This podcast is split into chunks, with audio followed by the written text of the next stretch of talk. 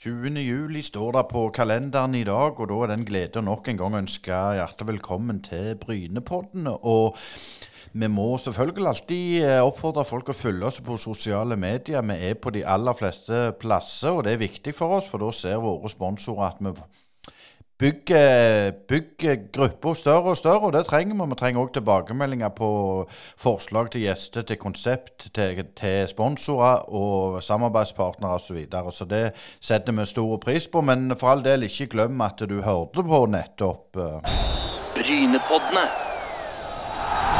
I denne podkasten her så skal vi få eh, Eirik Kjøne som hovedgjest. og Det er vel ca. et godt år siden at han fikk fyken i Stabekk, og vi må finne ut hva, hva gjør han nå. Og eh, Eirik han er jo oppvokst på det blide Sørlandet, vi må jo innom litt òg hvordan det står til i eh, fotballen i, i Start, for der er det òg litt kaos om dagen. Eh, men eh, vi får snart Kjøne på tråden, og husk for all del at du Du hører nå på Brynepoddene, en uavhengig og litt dypere podkast som gir deg lyden av ekte sport. Vi har studio på Bryne, og herifra sender vi deg motstemmen til den overflatiske og klikkorienterte sportsjournalistikken. Gå inn og se i vår nettbutikk på Bryne Paddene med dobbel A, punktum, og følg oss i sosiale medier. Da har vi fått med oss eh, Eirik Kjøne på telefon ifra Ja, Eirik, vi må mest si, hvor er du henne nå? Nå er jeg hjemme i huset mitt i, eh, i Ski. Det er bra. Når du sier hjemme i Ski, så eh, kan vi jo si det at for ca. et år siden så fikk du sparken og hodet og ut av Stabekk. Det endte jo opp med opprykk allikevel. Og litt sånn etterpå, det har jeg tenkt litt på. Hvordan er den prosessen der? For det er klart, å være en unge trener, det skal vi komme tilbake til din karriere, men du er unge trener, du står helt alene. Hvordan var den perioden? Nei, Det var selvfølgelig uvant. Det, det var en ny erfaring for min del. Eh, og så var jeg veldig forberedt på at det kom til eller at det kunne skje. da. Det visste jeg jo, jeg var jo egentlig under press fra, fra kamp tre. Jeg traff mine to første kamper i Eliteserien da jeg tok over, og derifra ut så, så var det ett år under press, egentlig. Jeg visste jo at uh, Stabæk gambla og måtte rykke opp. Uh, det hadde de sagt fra dag én. Og, og jeg satt med feelinga på at hvis vi taper kamp for mye, så kommer jeg til å, til å få sparken. Så Den prosessen her var egentlig ganske forberedt på. Uh, og når det først skjer, så er man så i modus på ja, hvordan Altså det, det er så mye adrenalin knytta til det. Hvordan, altså hva Hvordan møte klubben eh, når man får beskjed om sparken, og prosessen etterpå, og media, og så var det rett på trenerkurs. Så det skjedde ekstremt mye. Eh, så roer det seg ned, da. Og da da det en ny hverdag. Eh, så det gjorde at jeg bare heiv meg rundt og, og begynte å studere på BI. Eh, begynte på en master der i ledelse. Eh, samtidig som jeg fullførte prolisenskurs. Eh, og så var jeg opptatt egentlig i helgene med kompiser og, og familie. Men det er jo den, den kampdagen, søndag, når det er full runde. Eh, og man sitter hjemme liksom og ser fotball direkte og får, får varsel, det var, det var det som var uh, uvant og, og, mest vanskelig i den perioden der. Eh, dette med at du var unge trener, det er jo alltid noe som kommer opp når noen snakker. Men var det sånn at uh, du tenkte at oi, dette var sjansen min i Stabæk på toppnivå, nå, nå, er jeg ferdig? Jeg har aldri tenkt at nå er jeg ferdig, det har jeg ikke tenkt. Men jeg tenkte jo underveis og etterpå at det var en veldig god mulighet for min del. Først til å holde plassen, og så til å, og til å rykke opp. Og Jeg var ganske sikker på at jeg kom til å, til å klare det før sesongen starta, også idet jeg fikk sparken. Uh, så jeg er ganske sikker på at dette kommer vi til å klare, og da kan jeg bygge noe, noe videre. Så klart, det, det, er jo utrolig surt. At, uh, at jeg ikke skulle få lov til å fullføre sesongen og ikke klare å rykke opp. Og hvilke muligheter det kunne gitt med et opprykk på CV-en, sammenlignet med, med å få sparken på et veldig kritisk punkt i karrieren. Så, så ja, kjedelig. Men samtidig så kan jeg ikke gå rundt og være, være, være bitter for det og tenke at nå er det ferdig. Ja, Det endte jo med at Lars Bohin tok over, og, og, som sagt så ble det jo et opprykk til Stabæk. Men jeg har sett nå versert at du ikke fikk, fikk si, si, ha det til, til, spillerne, stemmer det? Mm. Ja, det stemmer. Uh, spilte kamp på en søndag, så fikk jeg sparken på en mandag. Og, og, og spillerne hadde fri den tirsdagen der. Og jeg dro rett på trenerkurs. Uh, så det det var sånn det ble. Det er kjedelig. Selvfølgelig så vil man innom og si ha det til, til kolleger og til, og til, spillere. Men eh, det, det, er vel sånn det er i, i det gamet her. Ja, det, det, er jo det, og det er gøy, men du kan jo liksom ikke gå ut mot en, en tidligere klubb og så slakte dem. For klart, du har jo sikkert dine meninger som du ikke kan gå ut med. Men, men det miljøet i Norge på trenersida er jo fryktelig lite og oversiktlig, stemmer ikke det? Jo, vi er et lite lite trenermiljø for så vidt, men et veldig egentlig åpent og, og gode kollegaer. Jeg har opplevd også at jeg fikk, at jeg fikk sparken. Jeg har fått mye, mye, støtte, og spesielt var det jo bra at jeg var en del av en trenerutdanning akkurat da. Og vi var en veldig samla gjeng, vi som tok prolisens. Og, eh, og, det var ganske godt å komme på samling og, og møte folk der. Eh, så ja, jeg tror nok det norske trenermiljøet er ganske åpent. Det er bra delingskultur og gode kollegaer, stort sett. Og så er det alltid, alltid unntak òg. Det er jo mange, er mange, om beinet. Det er jo en tøff konkurranse. Men uh, jeg tror det er bedre i Norge enn det er mange andre steder. Eh, det var jo det som Teddy Moen òg fortalte oss, at, at i, i, Skandinavia så var Norge veldig mye føre både Danmark og Sverige når det gjelder denne delingskulturen. Hva, hva tror du det skyldes egentlig? Nei, det er mange, mange som peker på Drillo Nils Arne Eggen, som, uh, som har vært på en måte ledestjerner. Uh, Morris Bach, uh, Skau Andresen og flere tidligere. Som har vært uh, de som har gått foran på fotballfag, men som også har vært veldig åpne. og har delt alt. og, stått der med åpne armer og på seminarer osv. At det kanskje har vært noe som har satt seg da, i, i norsk fotball. Så er vi jo, vi er jo en nasjon som er Vi er jo sikkert åpne og demokratiske i landet her. Så det, det, er i hvert fall ja, det er i hvert fall positivt. Jeg tror det er et konkurransefortrinn egentlig for, for, norsk fotball som vi bare må, må dyrke. For vi er eh, hver altså, en og en så er vi utrolig små mot de store nasjonene. Og hele Eliteserien til sammen kan vel så vidt konkurrere med, med City på økonomi. Så jeg tror vi, jeg tror vi er nødt til å, eh, å jobbe sammen og, og, utvikle hverandre for å kunne konkurrere mot, mot større nasjoner. Ja, Når du nevner det, så, så, din jobb nå er at du har en, en, en faglig lederstilling i, i Fotballforbundet, så noe som kalles for Europatoppen. Fortell litt hva, hva det innebærer? Så Europatoppen er jo et samarbeidsprosjekt mellom eh, toppklubbene på herresida, toppklubbene på damesida og, og landslagene. Så Vi er jo eid egentlig av tre organisasjoner. Og Det er ganske unikt, da, både i norsk sammenheng og, og internasjonalt. Eh, men vi skal da først og fremst jobbe for å på sikt få bedre resultater på toppen. Eh, fordi Norge har noen noen felles eh, mål om å komme seg inn i mesterskap for landslag og inn i Champions League eh, på kvinnesida, pluss en del andre mål. da. Eh, og så har vi litt ulik kompetanse i Europatoppen. Vi skal hente inn fakta og innsikt og gi det i, når, når, man skal ta avgjørelser. og så Min stilling handler mest om referansearbeid. Altså studere litt hva, hva kjennetegner de hva kjennetegner trendene internasjonalt? Hva kan vi lære av VM og, og, og Champions League? Eh, når denne poden blir sluppet, så er det torsdag 30. juli, og da skal eh, VM starte for, for, kvinner. Eh, Norge spiller mot New Zealand. Og Hvordan ser du på det VM ut ifra europatoppen-perspektiv? Hvor langt er vi unna en medalje i et VM? Så sa du 30. juli, men det er vel 20. juli. Ja, det Beklager, det er godt du passer på. ja. Nei, eh, altså jeg er litt sånn usikker på hvor jeg skal plassere det norske landslaget. Det blir utrolig gøy å se. Jeg forventer jo definitivt at vi går videre fra gruppa. Eh, og derifra ut så kan, kan alt skje.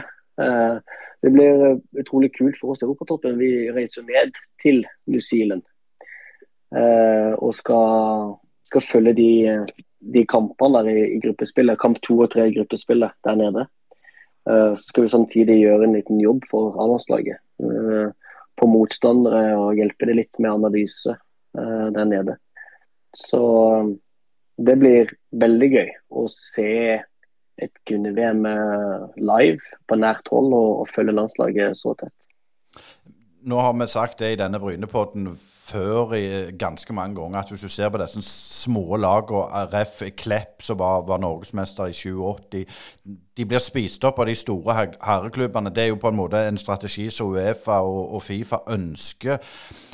Eh, men hvor vil du si norsk klubbfotball er på, på, på jentesida nå, kontra for, for, 30 år siden, da en liksom var en foregangsnasjon? For det er en strengt tatt ikke lenger.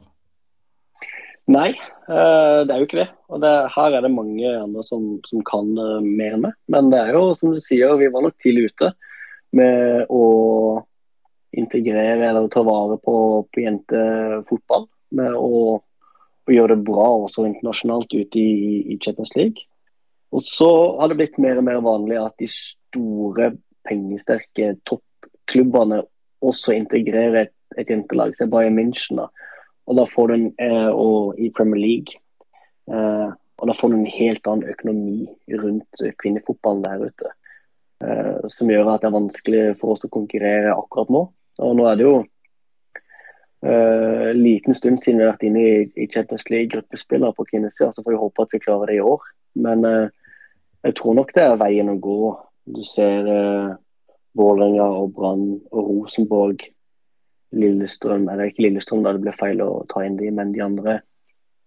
Og integrere det inn i, inn i klubben. Så får du en annen profesjonalitet rundt det. Så det er, det er Jeg tror det er Eller jeg vet at det er veldig fin utvikling på, på jentesida eller kvinnefotballen akkurat nå. Og så har vi også en vei å gå da, for å kunne konkurrere veldig bra internasjonalt.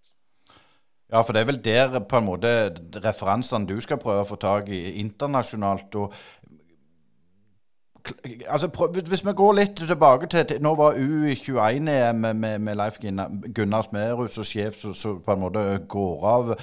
Sånn, så der fikk ei tøff gruppe. men hvordan ser du på den utviklinga der at det er mange unge som er ute i, i, Europa nå, mens landslagene Altså når herrelandslaget altså den er U21, det, det, er greit at det er der, men på, på, på A-landslaget så sliter en. Men, men ta det U21 um, først. Hvor, hvor, hvor, godt står vi rusta til, til, neste generasjon der, syns du?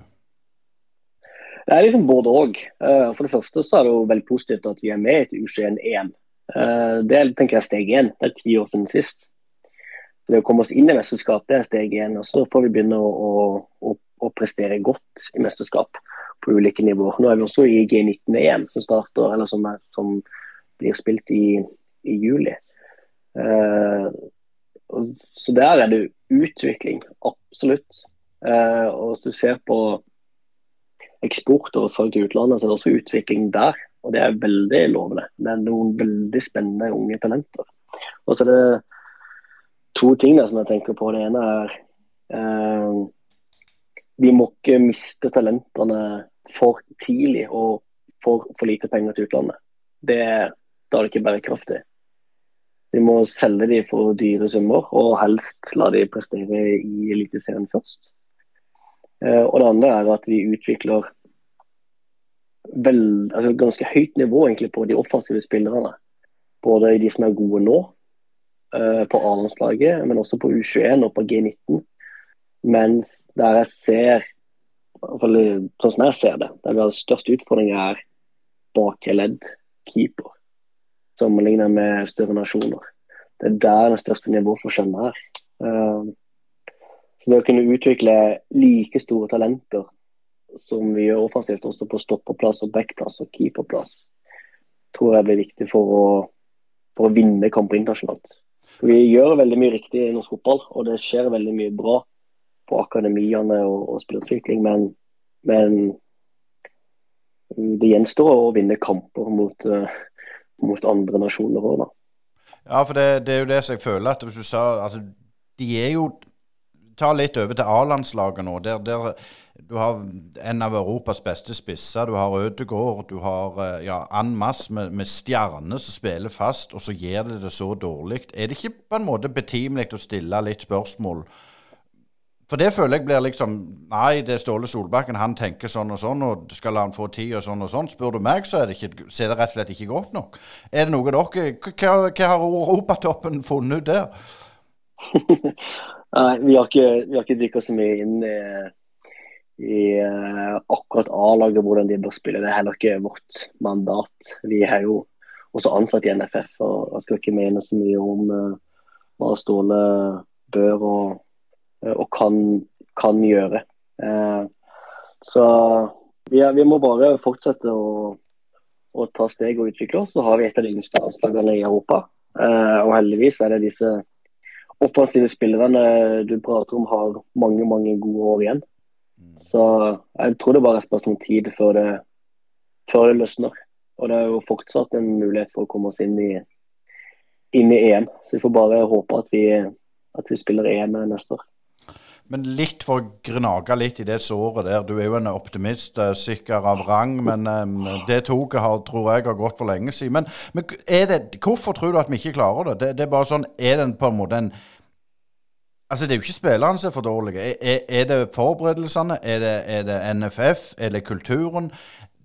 Det er jo veldig veldig, veldig vanskelig å, å, å si noe svar på dette her, men, men det er en interessant debatt allikevel. Ja, absolutt. Og den, den må jo NFF og landslaget ta, naturligvis. Uh, og så er det jo vanskelig å si liksom, er det, Har vi et så overlegent uh, A-landslag at vi bør uh, gruse gjennom? Uh, vi har jo noen superstjerner. Har vi et godt nok lag? det er det vanskelig å svare på. Har vi nok spillere som spiller fast i en topp fem-liga? Mm. det er ofte det viktigste parameteret for, for å sammenligne landslag mot landslag. så Nei, angående forberedelser og kampene, det vet jeg ikke noe, vet jeg ikke noe om. Så jeg tror ikke jeg skal sitte her og synes om det heller. Du skal, men, du skal eh, slippe å svare på det. Men jeg tenker, sånn som Alfie Nei, Alfie Haaland sier, det er faren det. Erling Haaland. Er det òg en utfordring at, prisene på norske offensive spillere, som du sier at de er veldig det er mye, det er mye hypa opp, de får spille. Har det noe med, Selvfølgelig har det noe med Erling å gjøre, men kan det òg ødelegge liksom at vi, tro, vi, ikke, vi tror vi er bedre enn vi?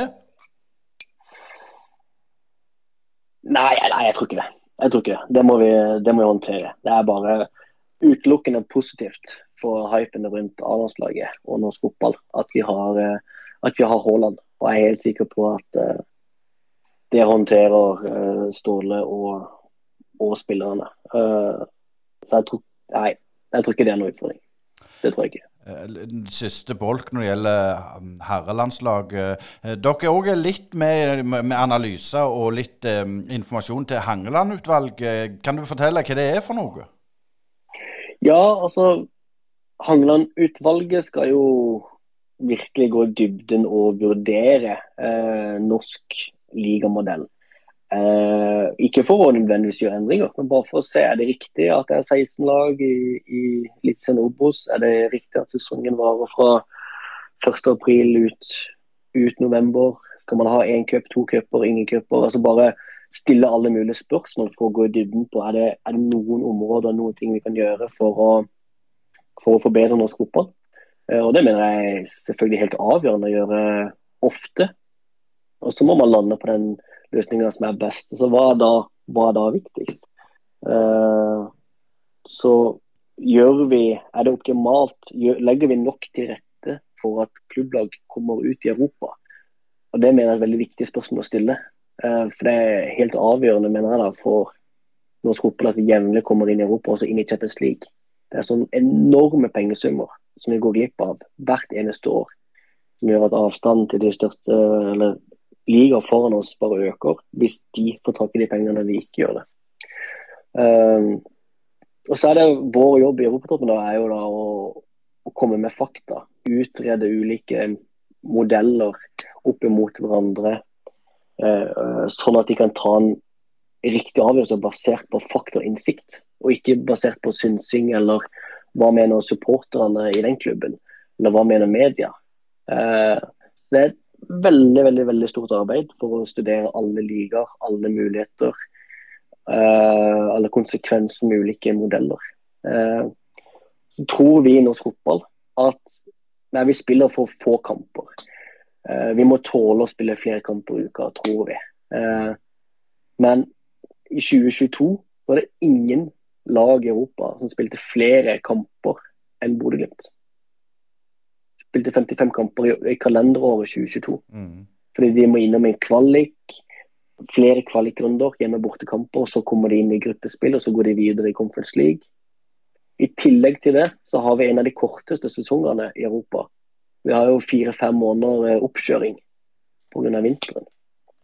Så den derre tettheten mellom kamper altså Molde og Bodø-Glimt er topp ti i i Europa altså på å spille tre kamper i uka og spille tette kamper.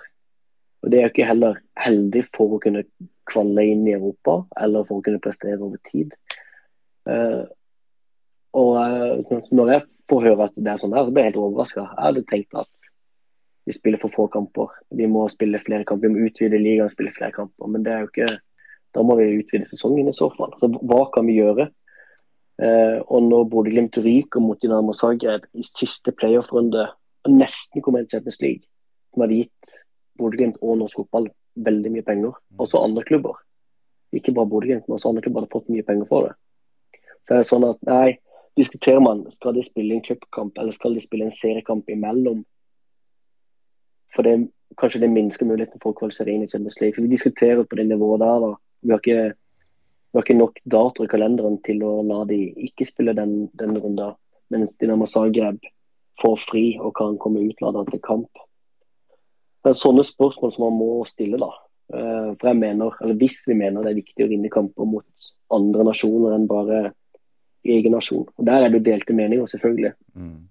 Supportere til klubber som ikke skal inn i Champions League, de driter jo i om Bodø-Glimt kommer inn i Champions League. Men det er faktisk ganske mange millioner som eh, alle klubber taper på det. Eh, og på sikt, da. Sånn som sesongen i fjor. Hadde Bodø-Glimt vunnet én kamp til i Europa, så hadde Norge blitt rangert som nummer 15. Altså Eliteserien blitt rangert som nummer 15.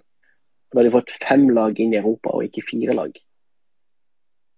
Så for den femte klubben, Lillestrøm, hadde da spilt Europacup nå. Mm. Men siden de ikke gjorde det, så får ikke de spilt. Og det er ganske mange millioner tapt på Lillestrøm. Det er sånne ting da, som jeg mener det er viktig å se på. Eh, hvordan kan vi kan, kan vi gjøre noen endringer for å øke muligheten for å komme inn i Europa? Hvis vi skal ta norsk fotball videre. Eh, Ja, det er jo helt avgjørende, spør du meg, at, at, en, at en legger til rette. Jeg vet ikke om det var Jørgen Klopp som uttalte det, at han hadde aldri vært med på at det engelske lag liksom, Det ble ikke lagt til rette for at de skulle lykkes i Europa. Sånn som du forteller der. Her i Norge så er det jo mest mm. media og, og fansen som styrer det. Er det òg en utfordring å på en måte komme ut med budskapet? Det er jo den norske modellen, da. Det er jo, det er jo tinget Ja. som bestemmer over norsk fotball. Og Der sitter det stort sett uh, breddeklubber uh, og, og stemmer.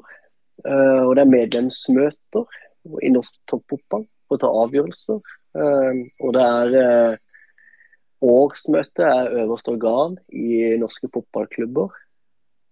Eh, og jeg sier ikke det er feil, uh, det- vet jeg ikke. Men det er sånn norsk fotball er bygd opp. I andre land, i Kroatia, så er det to-tre stykker som bare kan si at sånn Eller det var sånn før. Ja, sånn, nå tar vi den avgjørelsen. Uh, ja, det vet jeg ikke om er riktig heller. Men jeg bare sier at det er, det er demokrati, og det er medlemsstyrt. Så da må man få med seg alle på at dette er riktig. Du, nå, Hva enn blir riktig. Jeg vet ikke hva, hva de lander på i utvalget. Men eh, jeg tror det er veldig viktig å utrede og gå i dybden og få fakta på bordet. Man kan ta en avgjørelse basert på det, og ikke basert på det, er, det er politisk ukorrekt, eller nei, da får vi, da får vi media imot oss. Liksom. Vi må ta, ta gode faglige avgjørelser. Nå hadde vi en som heter Sondre Haga, som er verdensmester i trail 2. og han jeg, jeg, jeg sa det i intervjuet, droppa skolen. Det var ikke det han gjorde, men han, han, han slutta for han ville satse på idretten sin. og Han sa det måtte han gjøre, skulle han lykkes. Altså, Erling Haaland var ikke noe skoleflink, eh, kom og hangla seg gjennom. Men det er òg den type, den norske modellen. Når det kommer fram stjerner, så bruker de jo egentlig ikke den norske modellen, men vi dyrker de som de har gjort det. Ja, og det, det stiller jo stort spørsmål. Jeg vet ikke om jeg skal hive meg ut på den uh, fullfør skole eller ikke skole-modellen. Men uh, det, er, det, er, definitivt annerledes i andre nasjoner. Uh, på godt og vondt. Så tror jeg det er mange fordeler med den norske modellen nå. Så, men Men det må jo være gøy men, å jobbe med dette her? Ja, absolutt. Og så er det, det er lite involvert i dette Hangeland-utvalget. For der har vi andre Europatopp er jo satt sammen av, av ulik kompetanse. Så det er noen som har innsikt og data som, som sitt primærområde, som sitter og utreder disse modellene. Eh, men det er jo er veldig tett på dem. Så det gir jo veldig mye læring da, og, og, innspill. Og det er veldig interessant å se eh, og, og få høre hvordan, hvordan de tenker og hvordan de jobber. Ja, nei, det, ja, det er spennende, for du, du, går i dybden, og det liker vi i Brynepodden òg å gjøre litt dypere, som vi sier. Og um, For din egen del, når, når, du har vært med dette her, du sier du savner kampdag, selvfølgelig, det sier jeg, for det gjør alle som har drevet med fotball. Men um, videre nå, har du, har du, lyst til å gå enda mer i dybden på dette, eller har du lyst til å trene lag igjen? Det er jo alltid sånne dumme spørsmål som en må stille. Nei, jeg har, lyst, jeg har lyst til å trene lag igjen. Det har jeg. Uh, og så har jeg måtte, er der at jeg har det veldig fint der jeg er nå. Jeg trives godt i jobben. Jeg får tid til å utvikle meg og gå dypere, som du sier. Mm. Uh, som jeg ikke har tid til når jeg er trener. Uh, og Det føler jeg er bra. Og så har jeg også samtidig tid til å være med familie og, og venner. Men, men uh, jeg, vil, jeg vil være treneren. Så jeg, sitter, jeg, måtte, jeg venter på det rette tilbudet. Men jeg er ikke der at jeg må må ta, ta, det første som dukker opp. Jeg har uh, sagt nei til en del ting allerede. Og så, og så, håper jeg at det dukker opp noe spennende ja, innen, uh, innen nyttår. Uh, sånn at jeg fra neste sesong er fotballtreneren. Ja, Da må vi jo stille et spørsmål. Det har jo versert litt rykte i lokalpresset her at du er en, en av kandidat, kandidatene til, å overta etter Bjarne Berntsen i Sandnes Ulf. Er er det, noe du kunne tenkt deg? Jeg skal ikke spørre om du er kandidat, men, mm. men eller ser du litt større på det? Altså du vil til Tippeligaen eller gjerne utlandet. Hva, hva, ønsker du egentlig? Nei, altså jeg vil jobbe rundt et A-lag. Eh, og helst på høyest mulig nivå. Men eh, det kan fint være Obos-liga.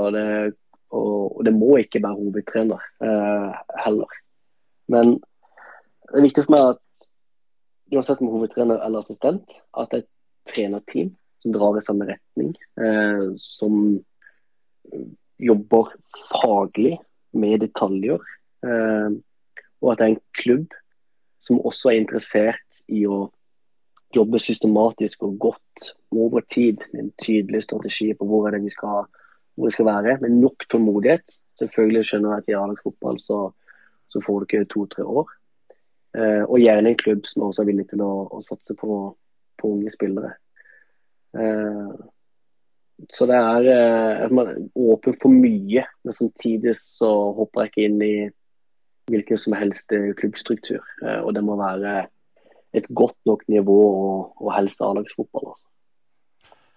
Men Er det sånn du ønsker å, å flytte med familien og ta dem med, eller er det sånn uh, vet du at det er en del topptrenere som ønsker at familien bor der de alltid har bodd, for å de Det må ta av litt av presset? Noe du har vurdert det?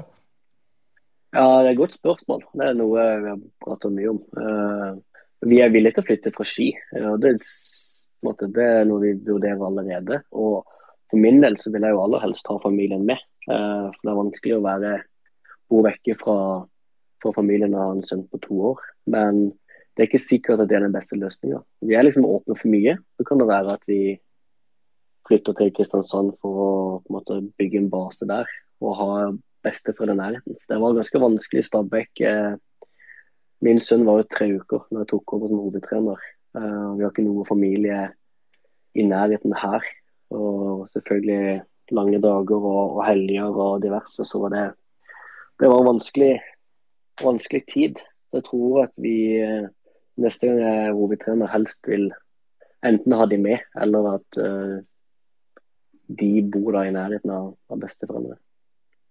Eh, når du nevner Sørland og Kristiansand, vi snakket litt før vi gikk på her. Det er klart Start er det litt kaos. Det, det, det ser utenfra fryktelig vanskelig og ensomt ut for, for Sindre Kjelmeland, en ung og, og, og dyktig trener. Du skal være ganske hardhuda skal du stå i det presset der? Ja, absolutt. Absolutt. Uh, og det er han også. Uh, Sindre er en, en jeg kjenner godt og prater litt med. Han uh, syns han håndterer det veldig bra. Og uh, ja, nå, nå, dukker det opp en del ting til overflaten her i, i media, men det er sikkert enda verre enn en det man tror òg internt der. Så jeg syns han har stått veldig bra i det. Uh, og så håper jeg virkelig at de gir han og, og det trenerteamet der nok, nok, tid, og Magni nok tid til å, til å utvikle det der videre. Og så blir denne eh, episoden lagt ut om eh, noen uker, så eh, vi får håpe at, at de har vunnet en del kamper og er virkelig flytende da.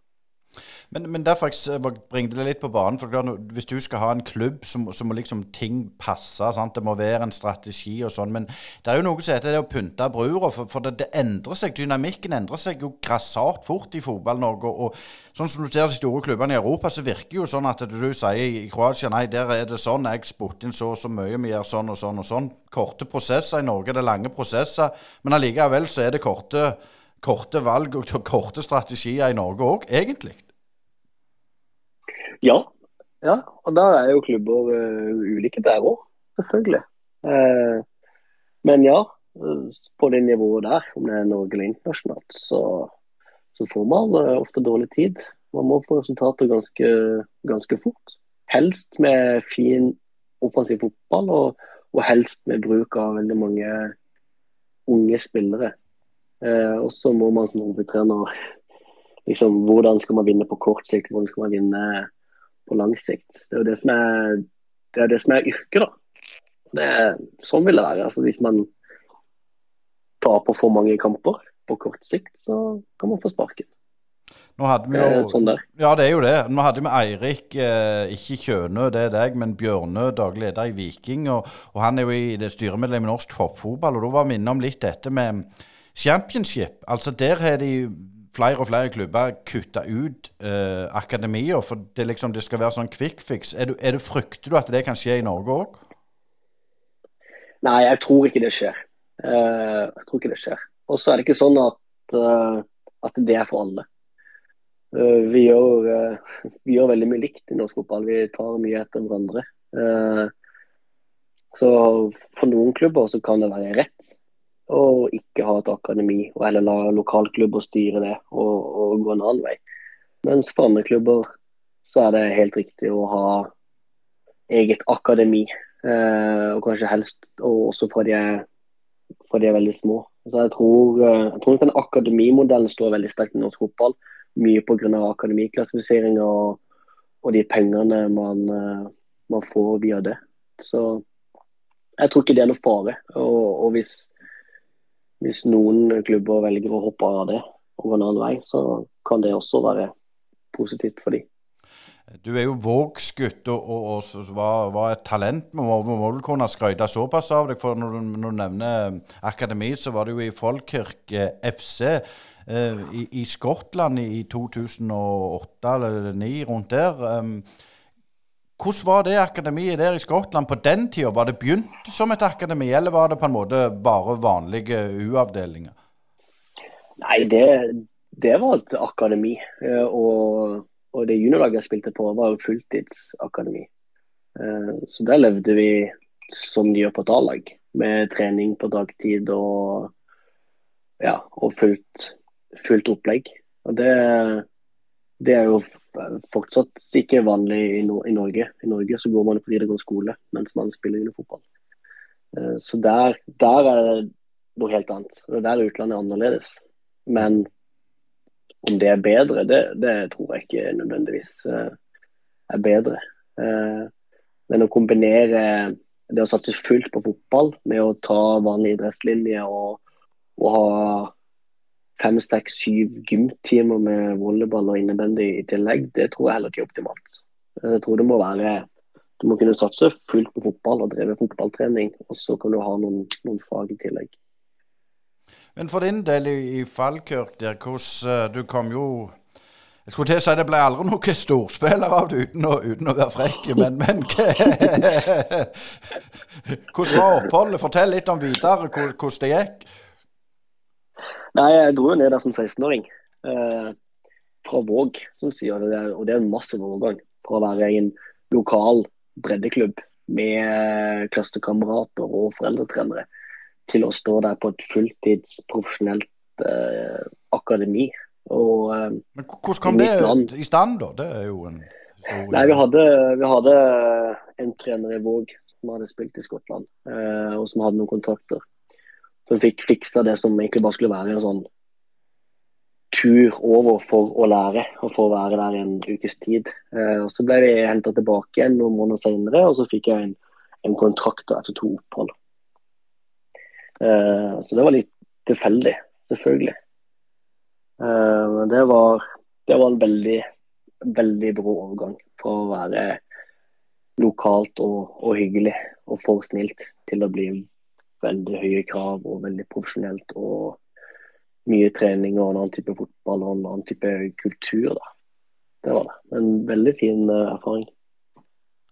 Eh, men det er litt sånn du klarte liksom ikke etablere deg som en toppspiller, så jeg sa litt på fleip. Men du, du, du, du, går til Vindbjart um, og, og, spiller der, så blir det Grorud. Du spiller litt i Grorud, og så blir du trener og manager i Grorud og rykker opp til Obos-ligaen og, og, leve på, på, liksom, på ei sky. Du har, du har, liksom ikke vært redd for å ta, hoppe ut på dypt vann?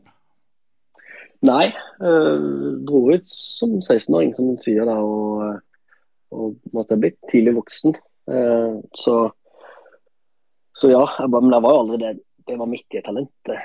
Det var jo ikke, var ikke god nok egentlig i Skottland der. Men, jeg fight meg til det og fikk noen sesonger i andredivisjon før jeg tenkte at at uh, ja, hvorfor bruke all, all tid på, på, fotball når jeg ikke blir uh, eliteseriespiller uansett. Så jeg flytta til Oslo uh, og begynte å studere for å bli trener. Og så gikk jeg all in på det, da. Ja, jeg var litt usikker på hva jeg skulle, men, men da ble jeg litt bitt av den derre Ja, dette er Jeg bare følte at det, det, er, det, er, dette jeg skal bli. Så gikk jeg all in på det. Ja, for du var ganske ung når du bestemte deg. og jo, altså, du, du, du hadde jo ikke den spillerkarrieren. Hvis jeg ikke husker feil, så var det på 20-21 du bestemte deg for at det var trener du ville bli? Ja, la opp når jeg var 20. Da hadde jeg spilt tre sesonger i andredivisjon. Og da var det sånn enten, enten så blir jeg litt spiller nå, eller så, så legger jeg opp. Og det er jo ser jeg tilbake på det, så var jeg jo Jeg følte jeg var gammel, men jeg var jo bare 20 der og da. Um, men da tok jeg først et friår, og så gikk jeg all in på å bli, uh, på å bli trener. Og så dro jeg ganske tidlig til Grorud, egentlig. Og jeg spilt noen kamper der, men det var jo Jeg hadde lagt opp, så jeg var jo Jeg var jo trener egentlig fra jeg var 22-23 år. Ja, for, for, Oppholdet i Grorud var jo et eventyr. Og, og, Hvis vi hopper over det, og så hopper over til, til Da blir du henta til Stabæk etterpå. I Stabæk fikk du jo på en måte, som du sa, ganske fort eh, presset på deg. og, og, og altså, jeg vil ikke si motgang, for dere gjorde det ikke så dårlig, men allikevel så blir det jo til en, en, en mental motgang. Hvordan var det å få det sånn rett i fleisen, og takle den motgangen? Følte du at det gikk rett? Hjelpte det deg at du hadde vært i Skottland og på en måte blitt hevet ut på dypt vann? Er, er, det noe du har reflektert over det etterpå? Ja, jeg følte sjøl at jeg håndterte det ganske bra. Og ja, jeg tror nok det gjaldt det med to år i, i Skottland som, uh, som 16-18-åring og, og møtte motgang der. Samtidig som at den siste sesongen i Grorud var jo nedrykksstrid egentlig hele veien. Uh, men vi klarte det. Vi overlevde i, i siste kamp, uh, litt mot oddsen. Der så hadde vi hatt den sesongen der og, og lykkes i motgang. Så jeg følte meg ganske komfortabel på at vi kom til å, kom til å gå bra. Eh, og vi lå jo under streken og tok over, ganske klart. Eh, og tapte mine to første kamper. og Da var det i hvert fall krise. Så Derifra ut så var det jo motgang og, og misnøye selvfølgelig fra supportere og, og, og kritikk. Men vi var jo vi hadde jo en utvikling og vi ble jo bedre og bedre. og Vi dobla poengsnittet. Men allikevel da, så kom vi til siste kamp og hadde alltid våre hender. Samme som det var i Grorud året før, og samme som året før når vi rykket opp, så måtte vi vinne siste kamp. Så hadde liksom hatt noen sesonger hvor vi hadde lykkes i den avgjørende kampen. Eh, så jeg var ganske sikker på at vi kom til å kom til å slå Odd i siste kamp, og så taper vi den, og så rykker vi ned i siste kamp. Så det var selvfølgelig en, en stor nedtur. Men, men samtidig så går det ganske fort før jeg begynner å se på muligheter på at nå kan vi bygge en ny spillestil, bygge nytt lag, og vi kan rykke opp og komme opp med, opp med selvtillit. Så ja, jeg mener sjøl at jeg håndterte det ganske bra. Og selvfølgelig så kunne jeg håndtert det litt bedre. Eh, og det ga meg en erfaring, så jeg er helt sikker på at hadde jeg gjort det igjen nå eller, eller, neste gang, da, så ville jeg håndtere det bedre enn det jeg gjorde. Nei, det er litt sånn, Jeg, bare, jeg har jo vært på en del fotballkamper. Du ser det at det taper du, så står fansen og æreskjeller ja, trenerteam, klubben, alle. Du må stå bare og ta imot og ta imot. Og liksom ikke, du kan jo ikke si det som du gjerne vet og du kunne fått gehør for det du sa òg. For hadde du fortalt hele historien, så hadde folk Å ja, var det sånn det var? ikke det er litt vanskelig å håndtere? Jeg, altså, jeg, jeg, hadde jo aldri klart det, f.eks. jo, jo, til tider så kan det være litt sånn frustrerende. Det tipper jeg sikkert mange, mange kjenner på. Men det, det er bare å det nytter ikke å begynne å stå der og, og forklare eller bortforklare. Og så er det, det er for meg veldig viktig da, at interne ting, det holder man internt. Det tar man, det tar man internt. og det, ja, det, det, lønner seg aldri, da, tror jeg, å begynne å bortforklare eller å skylde på andre ting. Eh, så vi hadde, hadde ikke noe å skylde på heller, for så vidt. Selvfølgelig så kunne noen enkelte ting vært bedre, men gode nok forutsetninger for å, for å klare den kvaliken i Eliteserien og, og for å rykke opp i i Obos-ligaen. Så å hive meg ut på en sånn diskusjon der og i etterkant av trenersparken, selvfølgelig er det mange ting som, som jeg skulle ønske var annerledes underveis. Men uh, det, det nytter ikke å bruke tid på det nå. Nei, det, den, det vannet har rent for lenge siden. Men helt til slutt, Eirik, så må vi, nå er det jo på en måte uavhengig, så nå trenger vi litt sånne tips her hvordan det går i, både eh, Obos på snor gjerne òg, men begynner i Eliteserien. Det er vel Bodø-Glimt som, stikker av med det, men hvem er det som får de tre øverste plassene, tror du? Ja, si det. Eh, klart Før sesongen så var jo eh, Bodø-Glimt og Molde storfavoritter. Eh, og jeg tror jo fortsatt at eh, Bodø-Glimt vinner serien, det er jeg helt sikker på. Eh, Molde kommer til å være topp tre. Uh, og så har Tromsø imponert uh, veldig mye og veldig spennende. Men jeg, jeg tror ikke det blir topp tre. Jeg tror også Brann ikke klarer å opprettholde det trykket der. Så jeg må nesten si Viking, da. Uh, det er jo det vi i Rogaland fornøyd med. Jeg vet ikke om du er så fornøyd med det, kanskje. Men, uh, jo, jeg er uavhengig med òg, så men, men, men, det er jo litt interessant du sier det, for Brann selger seg ut av medaljekandidatplassering, mener jeg, da. Ja, de hadde allerede en tynsdal Eh, men så kan man si da, ja, kanskje de gjør det. Samtidig så er jo norske klubber, norsk fotball er jo en selgende liga. Eh, og for at ting skal være bærekraftig over tid, så må man jo selge. Og må man selge når prisen er høyest. Det som er nøkkelen, er jo å treffe på, på de man henter inn, og få det så fort som mulig. Helst før salget. Sånn at jeg tror ikke veien å gå er å unngå å selge. Der, der kommer ikke vi i norsk fotball. Ikke i det hele tatt. Man må selge på rett tidspunkt for så mye som mulig. Og så må neste spiller være klar. Så fort som mulig. Ja, og helst gjerne ja, gjør det så, bedre. Mm. Og, og det var jo Ja. det han i Viking sa òg, Bjørnø, at sånn som Brekkalo er et salgsobjekt. Men så han sier det er jo ikke alle som vil komme til Viking, selv om, om vi, vi tror at norsk fotball er attraktive. Så, så det er jo noe med det òg. Når du er på det nivået der, så må du gjerne hente fra andre skandinaviske og europeiske land, og da er det ikke sikkert de vil komme engang. Ja, du kan, ikke, du kan ikke hente fra det nivået du selger til. Altså, Vi selger til topp 10, topp 5-liga. Du kan ikke hente spill derifra. Så du må jo hente de som ennå ikke har slått igjennom, men du må hente de billige løsningene som kommer til å slå igjennom. Det er jo det som er vanskelig. Men Det er jo det som er nøkkelen nå. At du henter de, og gjerne litt tidlig.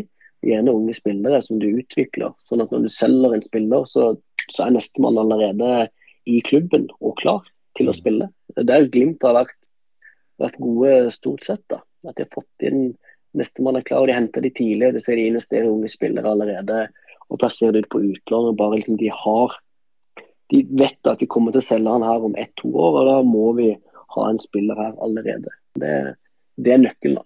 Det var, det var der Brighton var så gode i Premier League. Jeg så en dokumentar om akkurat det, og der hadde de òg lykkes veldig godt med det. Eh, Men eh, vi må òg der hvem som rykker ned, og det er jo like, like spennende, det. Ja. Um, jeg må jo nesten si Ålesund. Det er jo Altså, de, de ligger der allerede. Eh, og det skal veldig veldig mye til å, å klare seg når de har fire poeng på elleve kamper. Eh, må nesten også si HamKam. Eh, litt som forventa, også med budsjett og størrelse på klubb, og, og at de ligger der de ligger. Så syns jeg det er vanskelig å spå den siste plassen der på, på kvalik. Jeg tror nok ikke Vålerenga eller Rosenborg havner der, selv om de ligger langt nede når denne poden blir, blir spilt inn. Men jeg må nesten være så kjedelig å si at uh, det blir Sandefjord på kvalik. De, de klarer seg liksom akkurat år for år, men, men uh, forutsetningene og det sett foreløpig, så tror jeg de uh, havner på kvalik. Så må vi over til Obos-ligaen. Hvem er det som kommer opp? Nei, det tror jeg rett og slett at eh, de som er på topp akkurat nå, er de som ender på topp. Jeg tror Kongsvinger og Fredrikstad faktisk overrasker alle. Jeg syns de har vært solide. Jeg syns de har egentlig truffet ganske bra på, på spillestallen. og Den stallen står ikke tilbake egentlig for, for så mange andre. Uh, selvfølgelig KBK kan snike seg inn der. Så det er liksom det er de tre da uh, som jeg tenker uh, er der. Men jeg syns Fredrikstad har vært fryktelig vanskelig å slå. Uh, og med liten justering på angrepsspillet sitt, så, så kommer de til å ta, ta steg opp. Men jeg kan jo si det, si det. sånn som KBK føler jo jeg har underprestert. Jeg ser her på statistikken de siste ti kampene så har de kun to seire. Ja. Ja, ja. Og det, de kan jo plutselig bare komme inn i en god flyt der og vinne en seks-syv på rad, så er det der. Mm, stemmer det. Eh, det er vanskelig å spå, men jeg tror nok, jeg tror nok de er topp tre. Jeg tror ikke Koffa eller Sogndal eller Start eller Ranheim eller Jerv havner på direkte opprykk. Eh, og jeg tror nok ja, KBK, og Fredrikstad, Kongsvinger topp to, pluss at en av de tre kommer i en playoff-finale. Og så er det, er det nær. Da er det jo uh, Sandnes Ulf og Bryne som er lokale uh, helter her. eh, ligger på, på 13 poeng når vi må spille inn denne podden. Og de, de Hva tror du om dem? Altså, hvem går ned? Nei, jeg, meldte jo faktisk Åsane eh, her i en, en podkast før seriestart. Eh, og folk var sjokkerte når jeg sa det. Så jeg, jeg holder på de ennå. Jeg tror de rykker ned. Eh, jeg tror dessverre Skeid rykker ned. Eh, selv om eh, jeg mener de har et veldig bra trenerteam og gjør mye riktig der, så tror jeg at de blir litt for svake i år. Eh, så tror jeg at eh, Hødd kommer til å få en liten dupp og ende på den siste kvalikplassen. Så Bryne holder seg. Sandnes eh, holder seg, det er jeg ganske sikker på. Um, hvor godt følger du med på Nordligaen? Eh, Ikke noe mer enn en resultater, eh, og jeg kjenner en del spillere uh, der. Men Da kan vi ta Eh, avdeling 1, da, så Grorud er blant annet, og det er Egersund som leder der. Tror du de klarer det til slutt? Jeg har satt penger på Egersund før eh, seriestart. Så det, Ja, det er, det er en um, morsom klubb. Uh, en klubb som har vært i, i toppen der i mange, mange år, og som alltid faller, snubler før målstreken. Uh, men uh, i år tror jeg de klarer det. Jeg tror eh, de, Nå har ikke jeg klarert dette med deg for, for, for forhånd, men det, det stemmer det at du var, var, du var i aktuelle før denne sesongen til å ta over dem? Jeg hadde samtaler med dem, det har jeg. Og så skal jeg ikke, skal ikke si noe mer enn det. Eh, Men det var noe jeg vurderte. Jeg har jo samboer fra Egersund. Ja, det var nettopp det. Så. Eh, og eh, ja, og det, ser mange likhetstrekk mellom de og, og Grorud. Og de er bygd opp og, og det der. Det, de samme tanker. Så det hadde vært kult. Og så tror jeg det er litt for tidlig å begynne på et sånt prosjekt igjen. For det er et ganske langsiktig og, og vanskelig prosjekt. Eh, men jeg fikk et veldig god, godt inntrykk av, av klubben da, og veldig troa på det prosjektet der. Så jeg tror, jeg tror de kommer til å klare det. Og klart Egersund, når de først leder og rykker opp, så er det, det er bra. Det er en fotballby, det er bra trykk der. Jeg har Mm. spilt der som spiller et par ganger. eh, Det er ikke noe, det er ikke noe kult sted å komme som spiller. Men tror du Jan Halvor kan, kan klare det med Lyn, eller, eller blir han nummer to? Nei, jeg tror, jeg tror Egersund blir nummer én, jeg tror Lyn blir nummer to. Og Så får vi se hva han får til en playoff, da, eventuelt. Og I avdeling to så er, det vel, så er vi vel alle enige om at Levanger går opp? Ja, og det som er deilig der, at det, det er også satt av penger på Levanger før seriestart. Så jeg er litt mer åpen, og var i hvert fall i mitt hode mer åpen. eh, Og hadde ikke forventa selvfølgelig at de skulle være så solide. Uh, Ullskisa var jo storfavoritter. Men uh, sånn som det ser ut nå, så er det jo Må jo si at jeg tror Levanger rykker opp. Og så, så får vi se det med den eh, andreplassen her. Men uh, Ullskisa skal jo skal jo ta den den plassen her. Det, er, det, er fall, det bør de iallfall klare. Ja, det er jeg enig i. Det bør eh, Landro klare med Ullkisa. Det var utrolig gildt at du tok deg tid til, til Brynepodden, Eirik. Og du må ha en eh, fantastisk god sommer. Og så har vi snakket om Eigersund og Sandnes Ulf, for plutselig så, så ser vi deg på sidelinja i løpet av neste år. Det tror jeg ganske så sikkert. Og igjen ha en strålende sommer. Og, og tusen takk for du stilte opp i, i Brynepodden. Og vi i Brynepoddene er klare med nye podkast selv om det er ferie neste torsdag, og tusen takk for eh, fulle. Brynepoddene.